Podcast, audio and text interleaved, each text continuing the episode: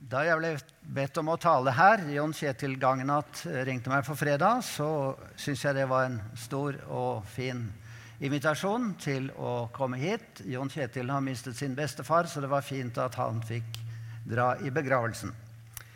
Så har eh, den utmerkede møteleder Josefin lest søndagens tekst. Så jeg går rett på talen og vil si litt generelt om Johannes. Vi har jo Eh, litt eh, fra Johannes evangeliets prolog som tekst i dag. Og Johannes han er blitt kalt for ørnen blant apostlene. Derfor et praktfullt bilde av en ørn tatt av gamle, en av mine gamle studenter fra Gimlekollen. Ørnen har den egenskapen at den flyr høyt. Den ser et stort perspektiv, og samtidig kan den se små detaljer i landskapet. Og denne dobbeltheten det ser vi særlig i innledningskapitlet i Johannes evangelium. For det store perspektivet kommer helt fra begynnelsen av. I begynnelsen var Ordet. Ordet var hos Gud, og Ordet var Gud. Og så noen setninger lenger ut. Alt er blitt til ved ham, altså ved Jesus. Så Guds første fremstøt kan vi si, fra evigheten slik som vi kan oppfatte det da, det var å skape alt. Jorden og universet. Og da var altså Guds sønn allerede født. Han er ikke skapt, men han er født. Og sammen skapte Gud og Sønnen lyset og livet. Det andre fremstøtet får vi i vers 6. Døperen Johannes. Han er representanten for vitnene i Det gamle testamentet alle de personlige stemmene Gud tok i bruk for å komme i kontakt med de menneskene han hadde skapt. Og de store stemmene er jo Abraham, Moses, Elias og alle de andre profetene som vi har skrifter av. Og så den største blant mennesker ifølge Jesus, nemlig døperen Johannes, som er det store vitnet rett før her. Og så har vi det tredje framstøtet som Johannes fremstiller fra vers 9. Han kom til sitt eget, og hans egne tok ikke imot ham. Men alle som tok imot ham, og som tar imot ham, dem gir han rett til å bli Guds barn, de som tror på hans navn. Så Gud som far og Sønnen er fra evighet av. De er ett, og samtidig er de forskjellige. De var begge aktive da verden ble skapt.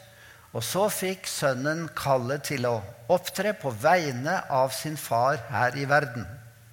Han gjenspeiler fars herlighet i sitt liv og i skaperverket. Og han opptrer som det sanne lyset og det sanne livet.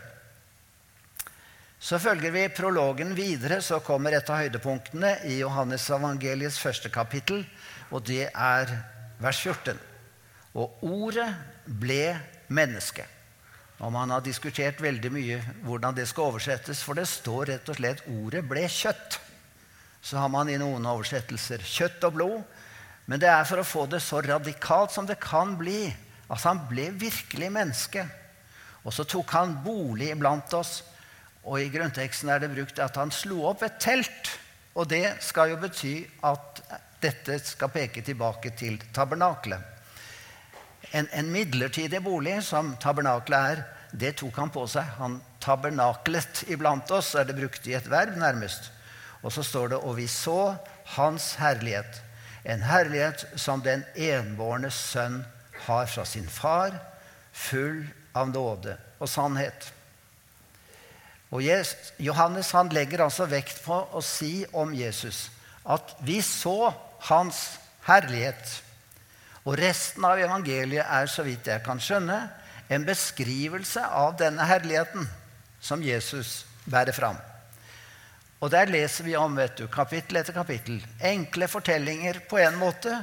Og der har vi ørnen som ser detaljene også. Han har sett det store overblikket. Men han ser f.eks. menneskers eh, Jesu makt til å frelse syndere til å hjelpe i trøbbel, som bryllupet i Kana, kapittel 2. Og matmangel. Jesus trer inn. Nød, sykdom, storm. Og så når det høydepunktet i fortellingen som innebærer svik, tortur, kors og død. Og med menneskelige øyne så syns ikke vi det er mye av en herlighet. Men slik ser Gud på det som har skjedd med Jesus. Det er Guds herlighet, Jesu herlighet, det som skjer på korset. For det er den store manifestasjonen av kjærligheten. Kristi død og oppstandelse for oss. Vers 14 er på mange måter Johannes sin versjon av juleevangeliet, men altså i et ørneperspektiv. Han skildrer det ufattelige, som teologisk kaller for inkarnasjonen, at Gud ble menneske. Og det vil jo ikke andre religioner godta i det hele tatt. Jødene godtar det ikke. Muslimene vil ikke høre tale om inkarnasjonen.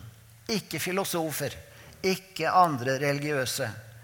For man sier ut fra den naturlige tankegang at det som er uendelig og opphøyd, det kan ikke ta bolig i noe som er endelig, noe som er skrøpelig, noe som er svakt.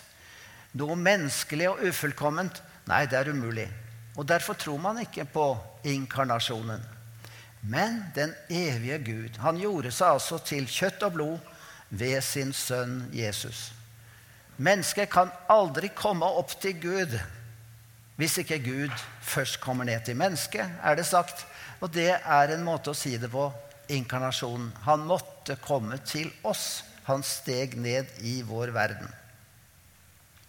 Gud trådte inn i den menneskelige virkelighet i det samme mørket som rådde før Gud sa 'det blir lys'. Og mørket, det er djevelens verden. Men djevelen har ikke makt til å slukke det lyset som Jesus er. Og vi kan lett snakke om det onde og mørket og synden, men Jesus personifiserte det onde som Satan, som djevelen. Han ble betegnet som denne verdens hersker han elsker å opptre skjult i mørket. Tror du på djevlebesettelse? Vel, jeg tror at mennesker kan i den grad gi etter for onde krefter, for vanhellige lyster i vår onde natur, eller de har gått så sterkt inn i egodyrkelse at de blir kontrollert eller besatt av disse kreftene. Det farlige ved djevelen er hans evne til å skjule seg bak eller under det gode. Så djevelens første triks er å innbille folk at han ikke fins, og han vil ikke bli snakket om. Det andre er å gjemme seg bak tilsynelatende gode ting. Og jeg har tenkt på det at alle de som var omkring Jesus da han led og døde, de var på en måte ikke så onde i seg selv, for de gjorde det de trodde var rett. Og vi kan si mye om det onde i verden, og vi kan kritisere mennesker, men det viktige er jo at vi er oppmerksom på de skjulte angrepene fra Satan også i våre liv. Tenk på Peter som hadde bekjent så fint om Jesus. Og så sa han til Jesus ja, du må ikke finne på å gå og lide og dø. Det må ikke skje. Og da var det han plutselig ble en talsmann for djevelen. Like etter at han hadde bekjent Jesu navn. Så jeg må stadig minne meg om, som kristen og som etterfølger, at jeg er en synder som har Satan også tett på meg. Og jeg trenger Guds nåde og frelse hele tiden fra denne mørke virkeligheten. Så Gud har sendt Jesus til verden for å være seierherre over det onde. Og Jesus kom til verden for å kjempe mot djevelen og for å vinne over ham. Han vant ikke denne kampen for sin egen del, men han vant den for oss. Og alle som tror på Jesus, ga han makt og rett til å bli Guds barn, de som tror på hans navn. Og så til den teksten som vi leste til å begynne med. Johannes vitner om ham, altså om Jesus, og roper ut Det var om ham jeg sa han som kommer etter meg, er kommet før meg, for han var til før meg. Med andre ord, han eksisterte i evigheten. Det var, som det står i grunnteksten, han var et faktum før meg.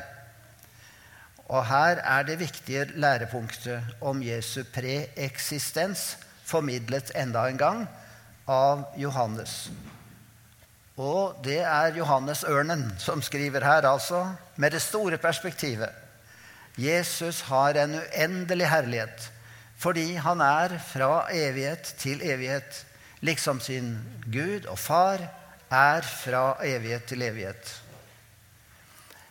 Det er så viktig å minnes om dette, for vi i dag ser så mye av en selvsentrert kristendom som snakker om jeg og meg og jeg og meg og jeg og kanskje litt om Jesus. Men kristendom det må starte i noe annet, nemlig i Jesus. Det handler ikke om meg. Det handler om ham. Og Jesus er stor. Jesus' storhet deler han villig og gjerne med oss som vil følge ham. Av hans fylde har vi alle fått. Nåde over nåde. Og I disse ordene så ligger det ufattelig mye fint å glede seg over. F.eks. dette uttrykket 'hans fylde' har vi alle fått. Hva er fylde? Ja, det uttrykket har et rikt innhold. Det er et ord som faktisk de tok opp fra omkringliggende kulturer og ble brukt i en annen sammenheng, men man kristnet det uttrykket. Pleroma på gresk fylde. Det betyr da, i kristen perspektiv, alt tenkelig godt, alt vi trenger, og alt som vi noen gang vil trenge, det har vi fått del i i Kristus. Vi får del i den fylden som Kristus representerer. Den åndelige rikdommen, om du vil. Det handler om en vekst inn i fullkommengjørelse så langt det er mulig i denne verden. Det er noe ufattelig stort, som jeg sier. Paulus er inne på samme begrepet i både Efeserbrevet og Kolossebrevet. Og han skrev i Efeserbrevet inntil vi alle når fram til enheten i troen på Guds sønn og kjennskapet til ham, Altså, vi er i en kristen vekst. Med hverandre vil vi oppnå enhet, og enhet med ham og kjennskapet til ham. Og blir det modne mennesket som er fullvoksent og har hele Kristi fylde. Der har du det. Tenk å få del i hele Kristi fylde. Her må vi igjen tenke på det bibelske perspektivet. For Gud er ikke bare enkeltkristne. Vi er personer i Guds folk. Vi er lemmer på Kristi kropp. Og da betyr det ikke at hver enkelt troende får del i hele Kristi fylde og hans rikdom, men vi får det i fellesskapet, som grener på vintreet. Eh, Kristus fyller oss alle med sitt liv, men som enkeltkristne så får vi så mye vi trenger til enhver tid. Alle får ikke alt bestandig, for å si det sånn. Fylden er gitt til forsamlingen. Så poenget er at fylden er hos Kristus, som det står i Kolossebrevet 2,9. I hans kropp bor hele guddomsfylden. Og av Guds nåde får vi del i denne fylden. Jeg må tenke litt på og peke på en falsk lære som har bredt seg noe i vår nyere tid. Eh, I karismatiske sammenhenger kan du høre noe av dette. En amerikansk forkynner som jeg hørte tilfeldigvis på Kanal 10 her om dagen, et kristent program, men han fortalte en kveld om en oppvekkelse av døde som han hadde vært med på. Ja vel, oppvekkelse av døde, det, det er jo spesielt, da. Men han ga altså inntrykk av at han som salvet forkynner handlet på samme nivå som Jesus. Og er det riktig å tenke sånn? Ja, det er altså noen innenfor New Apostolic Reformation-bevegelsen som ser på Jesus som en slags prototype på åndelige kristne. Og de som er superåndelige kristne, de skal ligne Jesus med å ha akkurat de samme egenskapene som ham. De skal gjøre de samme egenskapene, ja, større gjerninger om Jesus. For de har jo fått hele Kristi fylde, sier de. Det mener jeg er å trekke det altfor langt. Det blir feil. For som troende mennesker er vi fullt rettferdiggjort i Kristus, og vi har del i hans fullstendige frelse. Men samtidig er vi syndere. Vi er underlagt syndens og dødens lov. Og som Peter, vi kan komme til å snuble ut i en forferdelig synd av og til. Eh, fordi det onde ligger oss for hånden. Så det blir forførerisk hvis vi lar oss inspirere av New Age-tankegang og gjør oss selv til noe guddommelig. Jesus har fylden, og vi får del i den, i alt vi trenger til tro og liv. Men fylden er i Kristus, og vi har fått vår porsjon av den i, grad, i den grad som Kristus har gitt oss den. Å oppleve Guds fylde er en gave når vi trenger den. Det er ikke en premie, det er ikke en egenskap. Det ble sagt om en person var hun fylt av Ånden eller bare fylt av seg selv? Ja, vi kan spørre om det av og til. Vi kan så lett være fylt av stolthet, av hat, av misunnelse. Men Kristi fylde er noe annet. Det er hans kjærlighet, det er hans tjenersinn. Og han uttømte seg selv for vår skyld. Ja, kan han gjøre det samtidig som han har fylde? Ja, for kjærligheten er jo noe av fylden. Og vi må også være villige til å uttømme oss selv i kjærlighet og tjeneste for vår neste. Og så skal vi plassere Jesus der, og ikke på linje med Jesus. Det er farlig hvis vi begynner å tenke sånn. Så det er nåde over nåde, eh, sier det ordet jeg leste. Og det er også en del av det verset jeg nettopp siterte. Hva betyr det uttrykket? Nåde over nåde. Ja, det kan også oversettes nåde i stedet for nåde. Så det er de som mener at Gud har jo skjenket sin nåde og miskunn i den gamle pakt, men han har skjenket en mye større nåde i den nye pakt. Og det kan det kanskje være noe i. Men den mest sannsynlige tolkningen av nåde over nåde, det er at den nåden vi har fått i Kristus, den fornyes stadig. Det brukes det uttrykket at som steinen i elva blir renset når vannet renner over steinen, så fester ikke altså eh, og skitt og rot til steinen, for det blir renset hele tiden. Og Kanskje det også er et bilde på dette nåde over nåde. Det synes å bli større og større, denne nåden. Ingen kan lodde dybdene i nåden. Den er uuttømmelig, og den overgår all kunnskap. Så Guds nåde er alltid nåde over nåde. Og når vi bruker av nåden, øker vi nådens beholdning, er det sagt.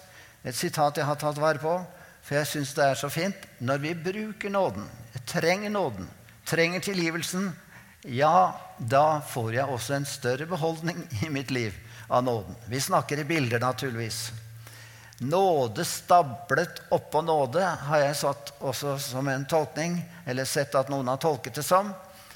Israelsfolket hadde mottatt stor nåde, men hadde, de hadde bruk for en ny og mer nåde hele veien.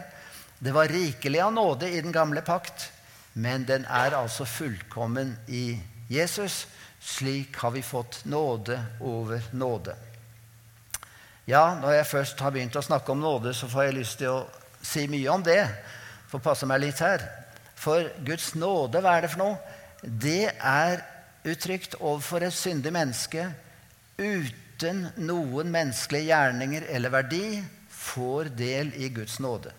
Og når nåden gis, så blir den overgått av en ny nåde. Så livet og nåden er ferskvare som ikke kan lagres. Den må mottas stadig så lenge Gud vil. Den kommer til oss frisk hver dag Guds nåde er ny hver morgen. Og da henter jeg jo et, et sitat fra Det gamle testamentet. Så nåden er vidunderlig å leve i. De gamle oppbyggelsesforfatterne kunne si det fint. Um, og det må vi ikke bli trett av å vitne om for våre medmennesker. Budskapet om en nådig Gud for Kristers skyld. Det går ikke ut på dato, så når jeg siterer fra den gamle oppbyggelsesforfatteren Johan Arnt, fra 1600-tallet, så vet du det er ganske lenge siden. Men han sier så kort og pregnant Din verdighet hjelper deg ingenting. Altså det du har i deg selv, hjelper deg ikke. Din uverdighet, ja, den har du også. Den skader deg ikke, sier han. For nåden dekker også over det. Som en dråpe mot det store havet er dine synder mot Guds ubegripelige nåde i Kristus. Ja, det er flotte ord, syns jeg. Men det er også nyere forfattere som har sagt fint om dette. En fin lekmann som heter Carl Sandsmark, som dessverre nylig døde. Fra Josefines hjemtrakter, Flekkefjord-området. Han har skrevet noe fint om nåden. Eh, tenk, nåde går for rett når Gud er dommer. Tenk, angrets synd er slettet ut, forlatt. Tenk hvilken fremtid nådens gave rommer. Tenk, vi er alt med ham i himmelen satt. Av nåde er vi frelst. Av nåde Gud bevarer. Av nåde er det òg at Han vår bønn besvarer. Kort, pregnant sagt. Og jeg tar enda et vers som jeg har hørt sitert i møtesammenheng. For alt jeg nåde fikk, i samme øyeblikk som jeg med mine synder til Herren Jesus gikk. Ta med litt fra vers 17. Der sto det For loven ble gitt ved Moses. Nåden og sannheten kom ved Jesus Kristus. Moses fikk steintavlene med de ti bud direkte fra Gud. Og i den forbindelsen så presenterte Gud seg med sine gode egenskaper. Det står at Herren gikk forbi Moses og ropte, Herren, Herren er en barmhjertig og nådig Gud, sen til vrede og rik på miskunnhet og sannhet. Vi kan legge merke til at ordparet miskunnhet og sannhet svarer jo til nåde og sannhet.